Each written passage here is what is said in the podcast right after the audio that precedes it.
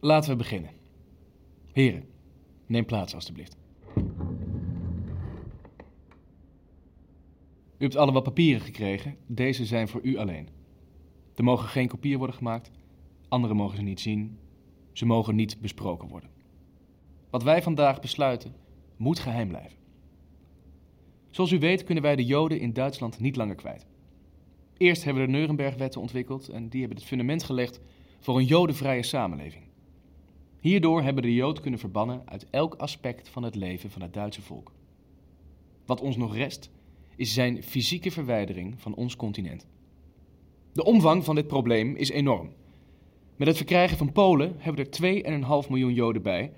En zodra wij Rusland veroveren, zullen er nog eens 5 miljoen Joden bijkomen. Het probleem is daarmee razendsnel groter geworden. Wij hebben onze uiterste best gedaan, echt waar. We hebben een krachtig emigratiebeleid nagestreefd, maar niemand neemt ze aan. Onze emigratieprogramma's zijn zelfs tegengewerkt. Heren, ons wordt de afrekening met het wereldjodendom in de maag gesplitst. Ik kan niet anders zeggen dan dat de verantwoordelijkheid hiervoor duidelijk in het buitenland ligt. Waarom hebben ze de Joden niet opgenomen toen er nog tijd was? Precies. Madagaskar, dat had men toch kunnen accepteren? Internering van het hele gezin met heel hun hebben en houden op een vereiland. Wat is daar nou op tegen? Maar natuurlijk, als de Jood overal een vinger in de pap heeft. Dan moet hij zelf voor de gevolgen opdraaien. Er moet dus opgeruimd worden. Wel nu, in juli heeft Rijksmaarschal Geuring instructies gegeven. U heeft daarvan een kopie. Ik citeer. In aanvulling op uw opdracht van 24 januari 1939 om het Jodenvraagstuk in de vorm van emigratie of evacuering op te lossen op een manier die recht doet aan het huidige tijdsgevricht, geef ik u hierbij de opdracht om alle organisatorische en materiële voorbereidingen te treffen voor een totale oplossing van het Jodenvraagstuk in het onder Duitse invloed staande gebied in Europa. Voor zover het hierbij de verantwoordelijkheden van andere centrale departementen betreft, dienen zij mee te werken. Dit zijn wij dus, mijn heren. Wat is er gebeurd sinds die instructie? Kort en bondig, we zijn vastgelopen in Rusland en de Amerikanen hebben zich gemengd in de oorlog. Beide gebeurtenissen zijn een verdere uitputting van ons leger, onze economie, onze mankracht en onze voedselvoorraad. Bovendien zien we steeds meer problemen in het oosten, voornamelijk in Polen. Ghetto's met Joden en Bolshevisten raken overvol, er breekt ziekte uit, er is te weinig voedsel en we hebben te weinig mankracht om ze te kunnen controleren. Het is één grote puinhoop. We kunnen de Joden niet meer opslaan. Emigratie is voorbij. En de onvermijdelijke oplossing is dat wat wij hier aan deze tafel zullen bespreken. Over hoeveel Joden hebben we het precies? Het is nogal een verantwoordelijkheid die wij hier krijgen. U heeft een document gekregen. Daarin staat de overgebleven Joodse populatie per land in Europa genoteerd. Zoals vermeld, het emigratiebeleid moet stoppen. Mijn voorstel, het beleid dat emigratie zal vervangen, is evacuatie. Hoe verschilt dat van emigratie? En evacuatie waarheen? Laten we daar later op terugkomen. Ik neem aan dat de Joden in leefbare omstandigheden worden vastgehouden. We komen daarop terug. Er zijn nog 132.000 Joden over in Duitsland, in Oostenrijk 43.700, in de bezette oostelijke gebieden 420.000, het generaal gouvernement 2.284.000, Bialystok 400.000, Moravië 64.200, Estland geen één. In bezet Frankrijk 165.000 en Frankrijk niet bezet 740.000. Daar ligt dus nog een mooie taak. Inderdaad. Holland 140.000, Roemenië, E- Engeland, ach, ja, u heeft de lijst. In de USSR 5 miljoen. Dat zijn dus 11 miljoen Joden in onze invloedssfeer. En dan zijn er nog de landen die joodsheid niet raciaal definiëren. Slechts als een religieus gebruik, zoals Engeland en Amerika. Er zouden dus, volgens onze raciale principes, nog vele extra ongetelde Israëlieten kunnen zijn. Wat ons nu dus te doen staat, is keuzes maken over het gigantische aantal Joden dat ons overspoelt. Nou, mijn suggestie zou zijn om alle gezonde Joden te scheiden op basis van geslacht en naar het oosten te brengen om ze daar te laten werken in de bouw. De wegenbouw bijvoorbeeld. Excuseert u mij, maar volgens mij is dat geen goed idee. Ik lees hier een overzicht van de werkzaamheden van de 5 miljoen Russo-Europese Joden. 10% landbouw, 15% stedelijke werkers, 20% handelslieden, bureaucraten, 24%, dokters, schrijvers, journalisten, acteurs enzovoort, bijna 33%. Het bouwen van wegen, 75% van die 5 miljoen heeft nog nooit iets opgetild zwaarder dan een potlood. De meesten zullen het ook niet redden. Uitgeschakeld door natuurlijke omstandigheden. En de leefbare omstandigheden die zijn beloofd? Er worden sinds 1941 al Joden naar het oosten geëvacueerd. Deze transporten, voornamelijk uit Berlijn, hebben de Rijkskanselarij in toenemende mate in verlegenheid gebracht. Er kwamen geruchten uit het oosten over de speciale behandelingen van deze geëvacueerde Joden. Deze geruchten hebben tot tientallen zelfmoorden geleid onder de Joden die voor transport waren bestemd. De buitenlandse pers heeft die Berlijnse zelfmoorden niet over het hoofd gezien. En er waren nog genoeg andere problemen. Bijvoorbeeld de evacuatie van de Joden met een buitenlands paspoort. Of het feit dat ook half-Joden uit gemengde huwelijken betrokken raken bij dit soort acties. Waarschijnlijk per ongeluk, maar toch. Dit zijn beginnersfouten. Die mogen uiteraard niet voorkomen. U heeft gelijk. De problematiek is gecompliceerd. We zullen zo volledig mogelijk moeten zijn. We zullen Europa uit moeten kammen van oost naar west. Nee, alle mogelijke middelen moeten hiervoor worden ingezet. Wacht even, laten we eerst onze prioriteiten stellen. Zijn deze inspanningen belangrijker dan onze vechtende troepen aan het oostfront?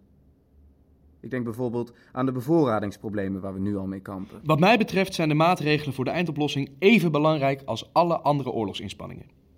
We voeren tegelijkertijd een oorlog tegen de externe en de interne vijand.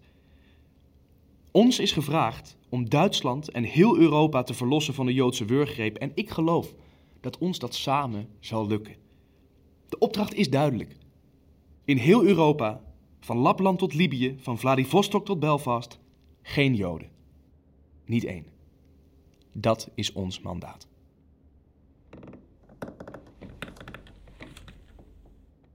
In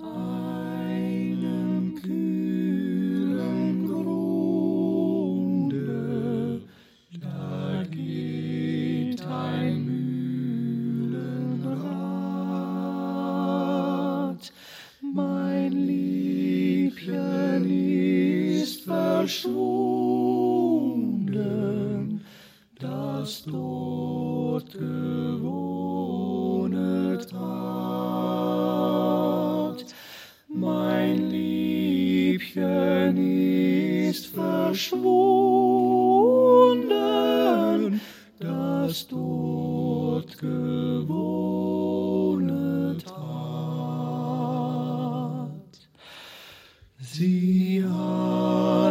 mir treu versprochen, gab mir ein Ring dabei. Sie hat die Treu gebrochen, das Ringlein sprang entzwei. Sie die Treu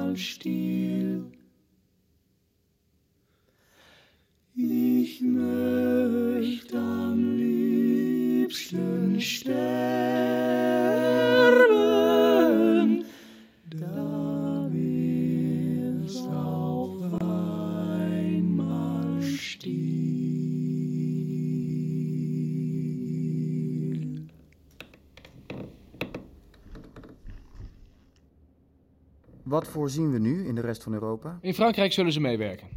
Ik zie ook geen problemen met de Balkan en Zuid- en Oost-Europa. Dat is mooi. En Noord-Europa? Ja, in eh, Scandinavië voorzien we moeilijkheden. Ook als we daar meer troepen naartoe sturen? Welke troepen? Iedereen is nodig voor de Russische campagne. De problemen zijn ook niet per se op te lossen met meer troepen. Wat voor problemen worden er dan precies voorzien? Juridische problemen. Vooral de procedure rondom internering verloopt moeizaam. Waarom? Er wordt geen heldere lijn getrokken binnen de wet en regelgeving.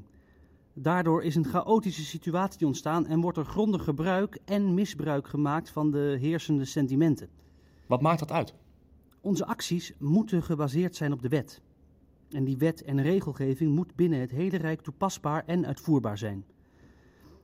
Alles wat we vooralsnog hebben gedaan, ontlenen we aan de Nurembergwetten. Als wij heel Europa jodenvrij willen maken, dan zullen we deze wetten moeten onderzoeken. Zeker met betrekking tot de problemen van het gemengde huwelijk en personen van gemengd bloed. Eh, mijn excuses, maar kunt u dat toelichten? Nou, er moet bepaald worden wanneer iemand een Jood is. Dat moet wettelijk en aantoonbaar zijn. Vervolgens kan, gebaseerd op deze uitkomsten, bepaald worden wat de mogelijke vervolgstappen zijn waarvoor de desbetreffende Jood in aanmerking komt. Laten we dan kort elke categorie en elke uitzondering onderzoeken. Ik zou namelijk graag snel door willen naar het hoe. Onze voornaamste uitdaging van vandaag is het vinden van een oplossing hoe de verwijdering van de Jood uit de gemeenschap en de economie plaats moet vinden. Verwijdering uit de economie. Ja, Ik weet niet of dat zo'n goed idee is. Maar laten we het daar dan straks over hebben. Eerst de Nurembergwetten. De huidige wet houdt het volgende in. Bij het huwelijk van gemengd ras, dat dus uitgezonderd is van jodenmaatregelen, maakt men een onderscheid tussen huwelijken met en huwelijken zonder kinderen. Kinderloze gemengde huwelijken zijn alleen uitgezonderd van jodenmaatregelen als de man Ariër is. Is hij Jood, dan zijn zij niet uitgezonderd. Als er wel kinderen zijn, gaan we ervan uit dat de mannelijke bijdrage bepalend is voor de bloedkwaliteit van het nageslacht. Daarnaast mogen de kinderen natuurlijk niet Joods worden opgevoed. Tot op heden zijn half Joden gelijkgesteld met Duitsers en daarmee uitgezonderd van Jodenmaatregelen. dat moet veranderd worden. Deze uitzonderingen in de wet laten toe dat er veel te veel Joden onder ons blijven. Dit is ons toegestuurd door de Rijkskanselarij. Ik citeer. Ten eerste, behandeling van halfbloeden van de eerste graad. Halfbloeden van de eerste graad zijn, met het oog op de eindoplossing van het Jodenvraagstuk, gelijk te stellen met Joden. Joden van gemengd bloed, ze hebben Joodse grootouders, ze zijn half Joods. Het zijn gewoon Joden. Zij gaan. Hun kinderen gaan. Wij hebben het hier over mannen en vrouwen die leven als Duitsers. Ze beleiden niet als Jood, ze gedragen zich niet als Jood, ze hebben slechts een bepaalde kwantiteit van bloed. De genetische Jood. half Joden gelijkstellen met volbloed Joden? We kunnen toch niet opeens ook de half Joden achterstellen? Moeten ze dan na al die jaren alsnog een Jodenster op hun borst naaien? Ik ben van mening dat dit tussenras opgeruimd moet worden. Het is in mijn ogen geen zins aanvaardbaar het als zodanig nog langer in leven te houden. Het stelt de overheid voor steeds nieuwe problemen en daar hebben we gewoon geen tijd meer voor. We zullen alle gevallen opnieuw onderzoeken en de vrijstellingen wellicht intrekken. En wie een vrijstelling wil, die kan maar beter een uitzonderlijke staat van dienst hebben en niet het excuus van een Duitse ouder. En wat zouden de uitzonderingen dan kunnen zijn? Iedereen kent wel een fatsoenlijke Jood. Als er al fatsoenlijke Joden zijn, dan zijn ze voordat ze fatsoenlijk zijn eerst altijd nog een Jood. En wat denken jullie van sterilisatie? Geen kinderen meer en uiteindelijk geen gemengd bloed meer. Ze zullen zich natuurlijk niet gemakkelijk laten onderwerpen aan sterilisatie. Waarom niet? Ze hebben een lul toch ook al laten kortwieken? Of is het een idee dat we hen zelf de keuze laten? Of je raakt je vermogen om je voor te planten kwijt, of je wordt geëvacueerd. Oh, en wat betreft personen van gemengd bloed van de tweede graad. Zij die geboren zijn aan een half Jood en een Duitser, zijn dus een kwart Jood, oftewel drie kwart Duitser, en dus een Duitser. Maar als beide ouders gemengd bloed hebben, dan is het kind Joods. En wat mij betreft, als het kind Joods uitziet of Joods klinkt, al is het maar met een kwart Joods bloed, als het bloed zogezegd dominant is. Dan is het een Jood. Exact. Bovendien, als een persoon van gemengd bloed een strafblad heeft, kortom, als hij zich gedraagt als een Jood, dan dient hij ook zo behandeld te worden. En als een tweede graads gemeente een Duitser trouwt, dan zullen ze worden geëvacueerd. Geen dispensatie. Wacht even, dit gaat veel te snel. De huwelijkswetten zijn erg complex. Je hebt in gemengde huwelijken nu eenmaal te maken met Duitse familie, altijd. En zij hebben een belang bij het lot van het koppel en van eventuele kinderen uit het huwelijk. Dit is mijn voorstel.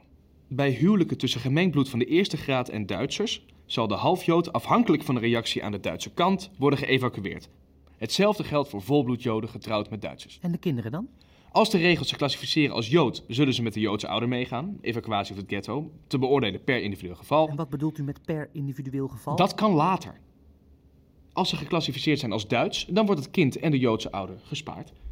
Eerste graads gemeend getrouwd met eerste graads gemeend, evacuatie. Hun kinderen, evacuatie. En eerste graads gemeend getrouwd met tweede graads gemeend, ook. Excuus, maar ik heb het idee dat er al heel veel Joden zijn geëvacueerd in de bossen van Riga.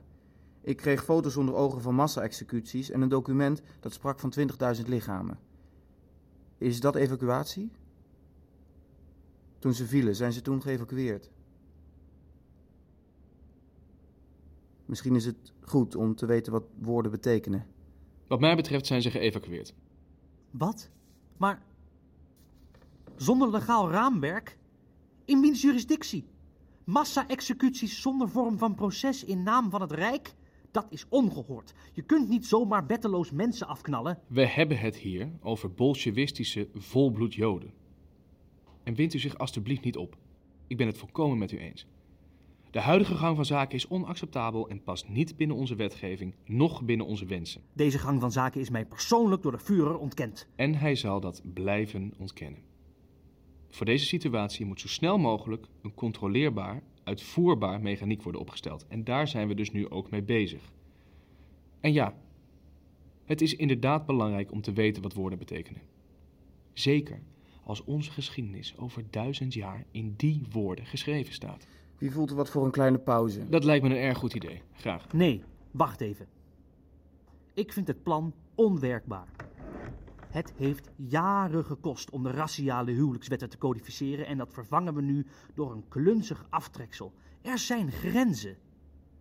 Elke nieuwe wet die de naam waardig is, beperkt net zo goed de uitvoerders van de wet als zijn onderdanen. Ik heb een voorstel. Een voorstel dat we allemaal kunnen accepteren. Misschien helpt dat.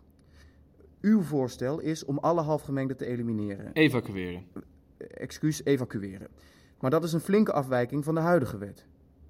Zou het niet beter zijn als we hen de keus geven, waar we het ook al over hadden? Of sterilisatie of evacuatie. Is dat meer in de geest van de Nurembergwetten? Nee, het spijt me, maar nee.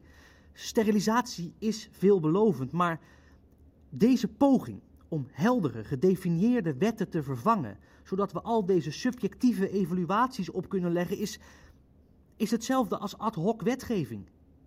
We maken onszelf afhankelijk van subjectieve evaluaties. Of iemand er joods uitziet, of een joodse persoonlijkheid heeft, of wat dan ook. Het is afhankelijk van interpretatie, variatie en nota bene de beweringen van de verdomde jood zelf. En wat doet dit? Het ondermijnt de Nurembergwetten en het bestendigt disrespect voor de wet. Ik ben van mening dat onze voorstellen wel En degelijk... daarnaast, iedere halfjood heeft een volbloed-Arische stamboom met wijd vertakte familierelaties. Vriendschapsrelaties in kringen met Duits bloed. Honderdduizenden zouden erbij betrokken raken. En met iedere halfjood gaat toch ook voor de helft Duits bloed verloren. Nee, met alle respect en in alle eerlijkheid, het maakt alles onduidelijk. Ik reageer alleen maar op de bureaucratische ramp die ons te wachten staat. De oplossing is simpel. Steriliseer ze allemaal. We noemen het medische resocialisatie of wat dan ook. Het is mogelijk. Onvrijwillig, bedoelt u? Ja, elke Jood, welke graads dan ook, getrouwd met wie dan ook, gemengd bloed, op wat voor manier dan ook, welke functies ze ook bekleden, we steriliseren ze allemaal. Mij bevalt het. En dan blijven ze beschikbaar als werkkracht. En dan hoeven ze niet geëvacueerd te worden. Het voortbestaan van de Jood wordt een halt toegeroepen. En het Duitse ras is veilig. Een jodenvrije toekomst. En, om even wat perspectief te bieden, sterilisatie wordt al onderzocht bij verstandelijk gehandicapten. Eh, wat moet ik me daarbij voorstellen? Door middel van röntgenstraling bijvoorbeeld. Of injecties in de baarmoeder. Een dokter aan het Biologische Instituut in Dresden behaalt momenteel veelbelovende resultaten met een simpele injectie. Eén spuit en je kunt geen kinderen meer krijgen. Ik heb, hier eh, de cijfers, niet exact helaas. Tussen 1933 en 1936 ongeveer mm, 169.000, inmiddels mogelijk 300.000. En eh, het fraaie is dat ze dus kunnen blijven werken. Dat zien we namelijk over het hoofd. Er is een groeiende behoefte aan arbeidskracht. De economie moet kunnen blijven draaien. En het leger heeft misschien mannen nodig, maar de fabrieken net zo goed. Daarom heeft sterilisatie mijn voorkeur. Zo behouden we onze gevangen arbeiders. Ik denk niet dat het volk een generatie wil wachten voordat het probleem is opgelost. Maar, maar duizenden Joden werken in de wapenindustrie, in de bouw, meer dan 10.000 in de metaalindustrie. In Berlijn, waar 19.000 Joden werken, en dat is dus alleen nog maar Berlijn, hè, worden onze productiedoelen niet gehaald. Nu al niet. En het is oorlog. Hier moet beter over nagedacht worden. Het behalen van onze productiedoelen en deportatie zijn verschillende zaken. Maar ze hebben met elkaar te maken. Luister, ze moeten gewoon weg. Zo snel mogelijk. Er is een tekort aan arbeiders. In het Rijk en in de bezette gebieden. Daar bestaat toch geen twijfel over? Dit is niet logisch. We gaan ze niet steriliseren en wachten totdat ze uitsterven. Maar wie is er dan vrijgesteld voor arbeid? Kijk, dat is iets waar we over na kunnen denken. Ik heb wat berekeningen gedaan. De ware grootte van onze arbeidskracht is nu al een miljoen man minder dan de cijfers zeggen. De economische overwegingen zijn niet de enige overweging. Ik, ik zeg ook niet dat ze dat zijn, maar kent u de cijfers? Met alle respect, mag ik zeggen, rot op met je cijfers.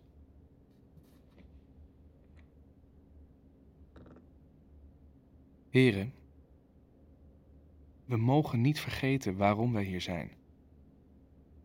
Wij gaan een betere wereld tegemoet. Een vredige wereld. De triomf van de Duitse cultuur. Dat is waarvoor wij werken.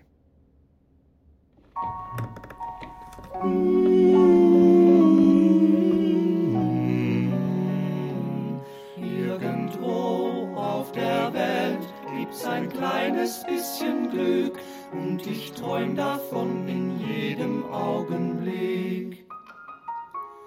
Irgendwo auf der Welt gibt's ein bisschen Seligkeit und ich träum davon schon lange, lange Zeit.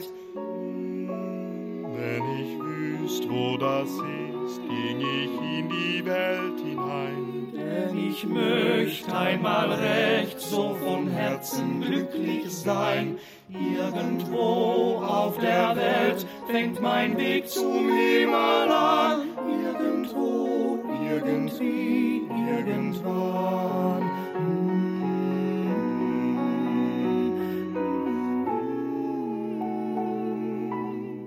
Ich hab so Sehnsucht, ich träum so oft. Einst wird das Glück mir nah sein.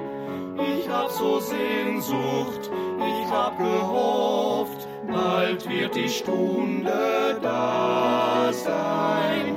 Tage und Nächte wart ich darauf, ich geb die Hoffnung niemals auf.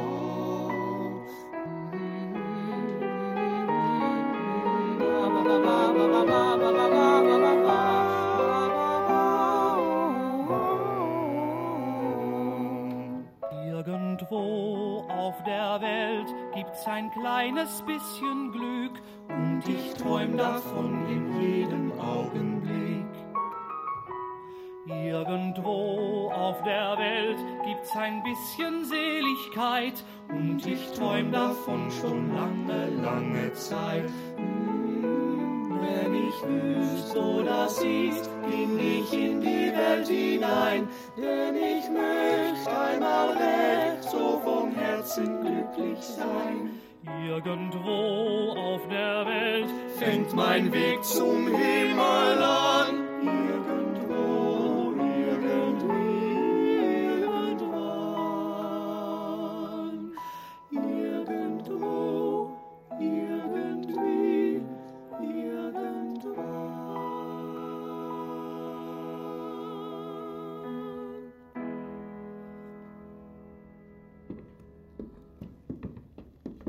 Mag ik nog één ding zeggen? Met het oog op het handhaven van een wettige samenleving.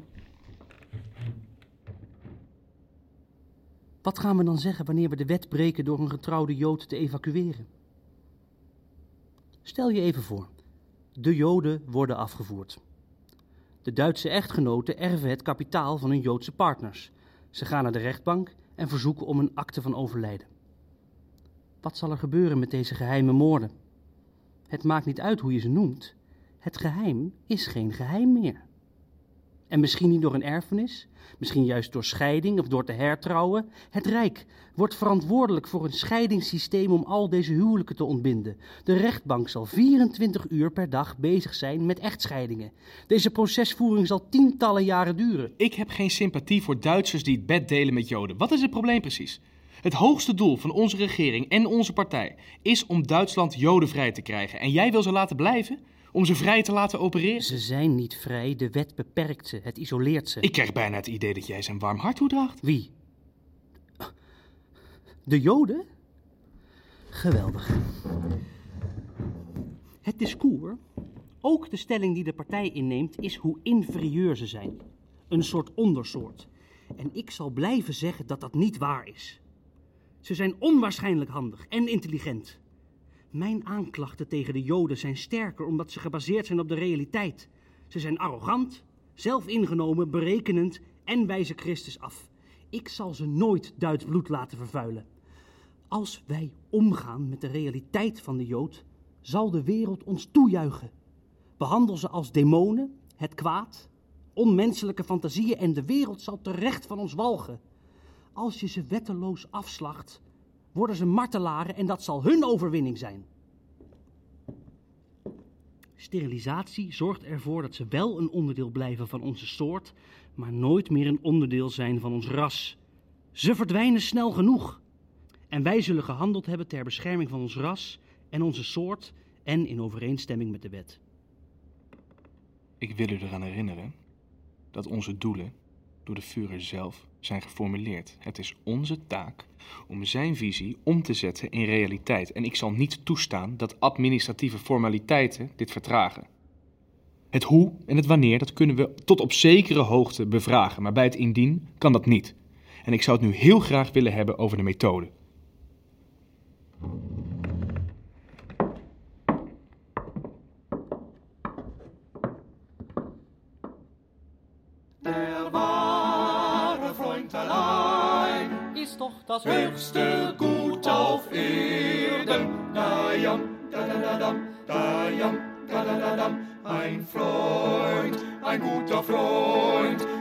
Das Beste, was es gibt auf der Welt.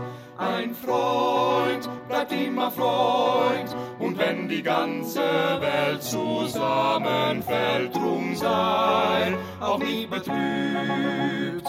Wenn dein Schatz dich nicht mehr liebt, ein Freund, ein guter Freund, das ist der größte Schatz, den's gibt. Sonniger Tag, wohniger Tag, läuft mir das Herz und der Motor ein Schlag. Lachendes Ziel, lachende Stadt und eine herrliche Fahrt. Rom und Madrid nehmen wir mit, so ging das Leben in Traume zu dritt. Über das Meer, über das Land haben wir eines erkannt. Ein Freund, ein guter Freund, das ist das Beste, was es gibt auf der Welt.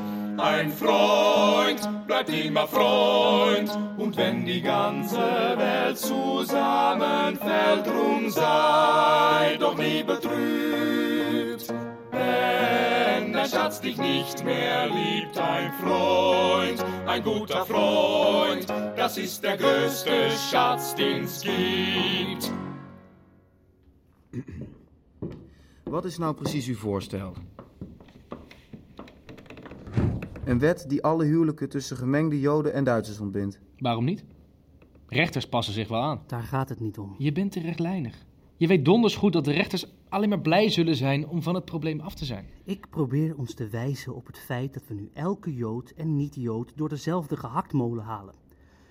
Als dat het plan is, dan is mijn verzoek dat we daar een legaal raamwerk voor ontwerpen. Laten we het gewoon doen. Als er een paar stappen voor over moeten slaan, het zij zo. Een paar stappen overslaan? Waar gehakt wordt, vallen Spaanders. Jij beaamt hier terloops de vernietiging van onze legale waardigheid. Jij wil een wet. En die komt er ook, maar niet nu. En we hebben nog ontzettend veel te doen, dus laten we alsjeblieft doorgaan. Trouwens, we zullen dit moeten uitwerken met de katholieke kerk. Als het Rijk zoveel burgers tot echtscheiding dwingt. Daar gaan de priesters zich niet comfortabel bij voelen. Laat staan het Vaticaan. Het Vaticaan koestert geen liefde voor de Jood. Waarom zouden zij ingrijpen? De juridische problemen wegen zwaarder dan de ideologische voldoening op korte termijn. Militaire noodzaak komt op de eerste plaats, toch? Of zit ik fout? We zijn meer dan een natie van legers. Dat hoop ik. Laten we in ieder geval niet blijven hangen bij Duitsers die van Joden houden. En laten we een stap terug doen en proberen niet in dit soort details te vervallen. Kijk, dat is wijsheid. Mijn voorkeur gaat nog altijd uit naar sterilisatie. Röntgenstraling, injecties. Waarom hebben we het nog steeds over theoretische oplossingen? Goethe zei dat theorieën grijs zijn, maar dat het leven groen is. Wees realistisch. Ik sta erop, zoals ik al eerder zei, dat de beste manier de snelste manier is. Vaag ze weg van ons land, beter nog van onze planeet. Als de gezonde arbeidskrachten maar worden gespaard. Ik zou niet op al te veel gezonde Joodse arbeidskracht rekenen. Verdomd weinig van hen zijn geschikt voor wat voor arbeid dan ook. En, over praktische problemen gesproken, de ghetto's zitten nu al overvol. Er is geen eten voor ze. De stank van hun ziektes stopt niet bij de muren. Het zijn er te veel. We hebben geen ruimte meer om ze kwijt te kunnen, we kunnen ze niet doodschieten en we kunnen ze niet gebruiken. Dus, wat is jullie suggestie? We draaien eromheen. Ik zal het nog één keer helder stellen. Er moet worden opgeruimd. En dat heeft niet alleen ideologisch gezien de prioriteit, maar vooral ook logistiek. Eens? Ja, eens. Wacht even. Wat stelt u nou precies voor? Nou, daar wil ik het dus zo graag over hebben. De methode. We kunnen geen 11 miljoen Joden doodschieten. Dus Waarom niet? Waarom kan je ze niet doodschieten? Misschien ben ik verkeerd begrepen. Van mij mogen ze best een kogel krijgen als er dus maar een wet aan ten grondslag ligt. het is een militaire kwestie. Na verloop van tijd creëert het uitvoeren van massa-executies mentale problemen. Voor onze soldaten is het verschrikkelijk om te doen, zeker als het om Duitse Joden gaat. Er zijn vrouwen en kinderen bij en onze soldaten hebben zo hun eergevoel. Het is slecht voor de moraal. En het is ook geen vraaggezicht, ik heb het zelf gezien. Echt, een massa-executie laat een nare smaak achter. Het is toch een werk? Nee. 11 miljoen, zelfs al was het de helft, laten executeren in kleine groepen, dat is idioot. Inefficiënt gebruik van tijd, troepen, kogels. En massa-executies zijn moeilijk geheim te houden. En daarom, en dat heb ik al aangekaart in het begin, zijn we op zoek naar een snellere, maar ook schonere methode. Argwaan en paniek moeten kosten wat het kost vermeden worden. Hoe denken jullie over het gebruik van gas?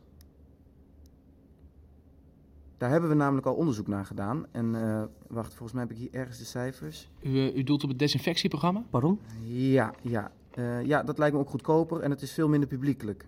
Ik weet alleen niet, niet op welke schaal. Ik volg het niet. Gas?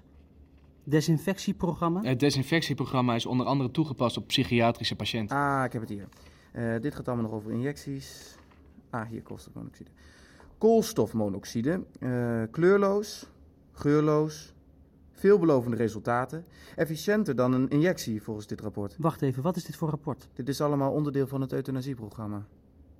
Daarin worden momenteel meerdere methodes ontwikkeld waarmee de problemen van individuen met een belast bestaan verholpen kunnen worden. Genadedoding. Deze rapporten ken ik niet. Kunt u me bijpraten? Er lopen sinds een aantal jaar experimenten met gifgas.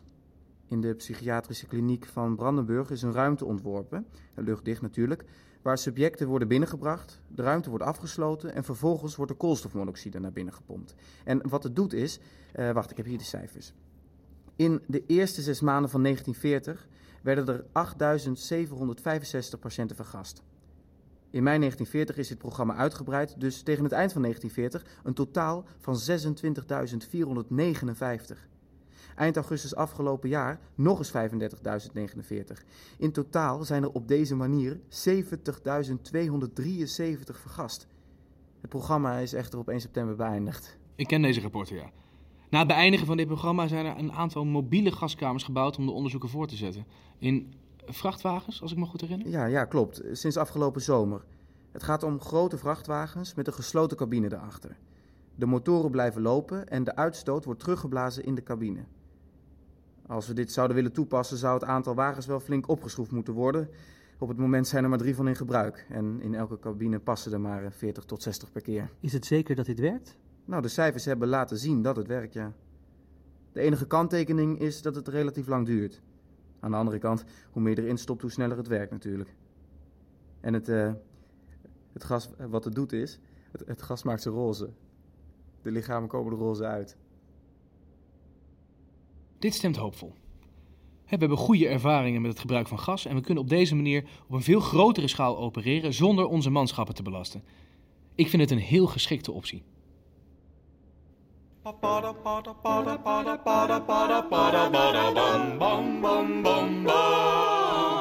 Blumen im Garten, so 20 Arten von Rosen, Tulpen und Narzissen leisten sich heute die kleinen Leute. Das will ich alles gar nicht wissen. Mein kleiner grüner Kaktus steht draußen am Balkon. Holleri, holleri, hollero.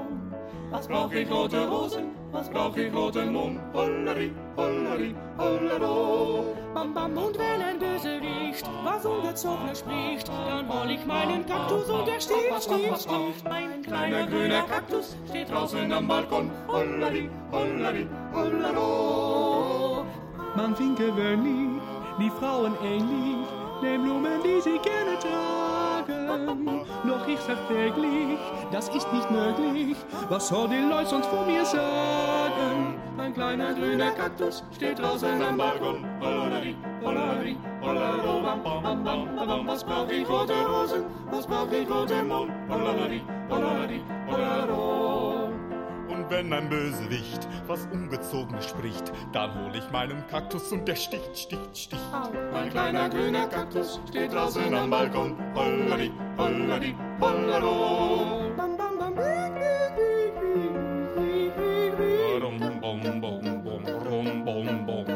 Heute um vier klopft's an die Türe. Na, nun Besuch so früh am Tage. Es war Herr Krause von Nachbarhause und der sagt, verzeih's mir, wenn ich frage. Sie haben doch ein Kaktus auf Ihren kleinen Balkon. Holladi, holladi, hollado. Der fiel so eben runter. Was halten Sie davon? Holladi, holladi, hollado. Der fiel mir aufs Gesicht, ob's glauben oder nicht. Nun weiß ich, dass ihr kleiner grüner Kaktus sticht. Bewahren Sie Ihren Kaktus, gefährlichst anderswo. Holladi, holladi, hollero. Bam, badam, badam, badam, badam, ba. Waar waren we gebleven? De mobiele gaskamers. Ja, eh, laten we nog even teruggaan naar het type gas. Een koolstofmonoxide heeft behoorlijk wat neveneffecten en het duurt lang. Cyanide daarentegen werkt een stuk sneller. Daar wordt ook mee getest. Het type Cyclon B van IG Fabe. En elektrocutie? Dat is ook effectief en geruisloos. Laten we uitgaan van de vrachtwagens. Een volle cabine, dus 60 per keer, duurt ongeveer een uur. Alles inclusief. Dus het binnenbrengen van de inhoud, de machine laten draaien, de inhoud eruit halen, de boel schoonmaken. Op een 24 uur schema zijn dat er 1440. Stel dat je de 20 in gebruik neemt, dan zijn het er 28.800 op een dag. Dat zijn er meer dan 10 miljoen in een jaar. Ik weet niet of het mogelijk is om zo consistent te opereren op die schaal, maar... Ik heb er toch mijn twijfels bij. Een vrachtwagen ergens in een bos met rijen joden die geduldig afwachten, dat krijg je nooit gestructureerd. Ze zijn mobiel, je kunt ze opstellen waar je wilt. Het gaat me vooral om het bewaren van de rust. Idealiter hebben de subjecten niet door wat hen overkomt. Zo voorkom je ongeregeldheden. 60 per uur is te weinig. We moeten groter denken. Deze vrachtwagens zijn een goede korte termijn oplossing, maar ik denk niet dat het opruimen mobiel plaats moet vinden. Wat doe je met de resten bijvoorbeeld? Je krijgt straks bergen overschot in ieder district van het Rijk. We moeten dit centraliseren. Dat is de enige manier om de gang van zaken te kunnen controleren. Daarvoor zou ik graag de werkkampen willen gebruiken. In Polen hebben we een aantal strafkampen gebouwd, waar gevangen Poolse Joden en Bolshevisten veroordeeld zijn tot dwangarbeid. Belzec bijvoorbeeld, of Treblinka. Deze kampen zouden we kunnen uitbreiden. En zijn deze locaties goed te bereiken? De meeste wel. Het spoor ligt er al. Dat klinkt een stuk functioneler dan de mobiele gaskamers. En Rijksmaarschalk Himmler heeft me onlangs nog gewezen op een kamp in Opper-Silesië. Erg geïsoleerd, dicht bij het spoor en alle ruimte om uit te breiden. Maar we hebben toch niet de mankracht om overal nieuwe kampen te bouwen? Zoveel hoeft het er niet te zijn. Vijf grote kampen is efficiënter dan vijftig kleine. En stel nou dat we hier de Joodse arbeid inzetten. De Joden krijgen de stenen en bouwen de kamers zelf. Wij zullen alleen wat mankracht kwijt zijn aan toezicht. Dat idee bevalt me. Met pak een beetje 80 Joden zou je zo'n kamp kunnen bouwen. Die moeten erna direct geëvacueerd. Vanzelfsprekend. We moeten kosten wat het kost de rust bewaren. Hoe heet dat nieuwe kamp? Auschwitz.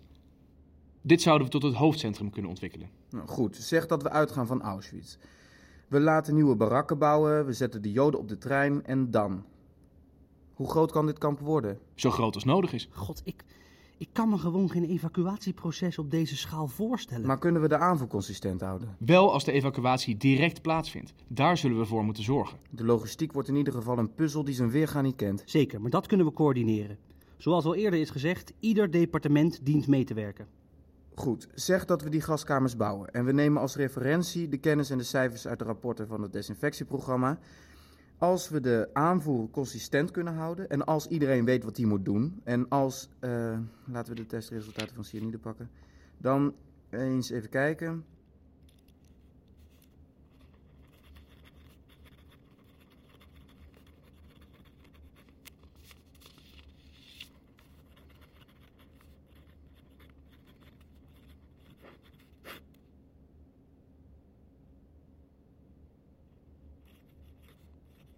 Als alles optimaal werkt, dan zou je er in theorie 2500 kunnen verwerken.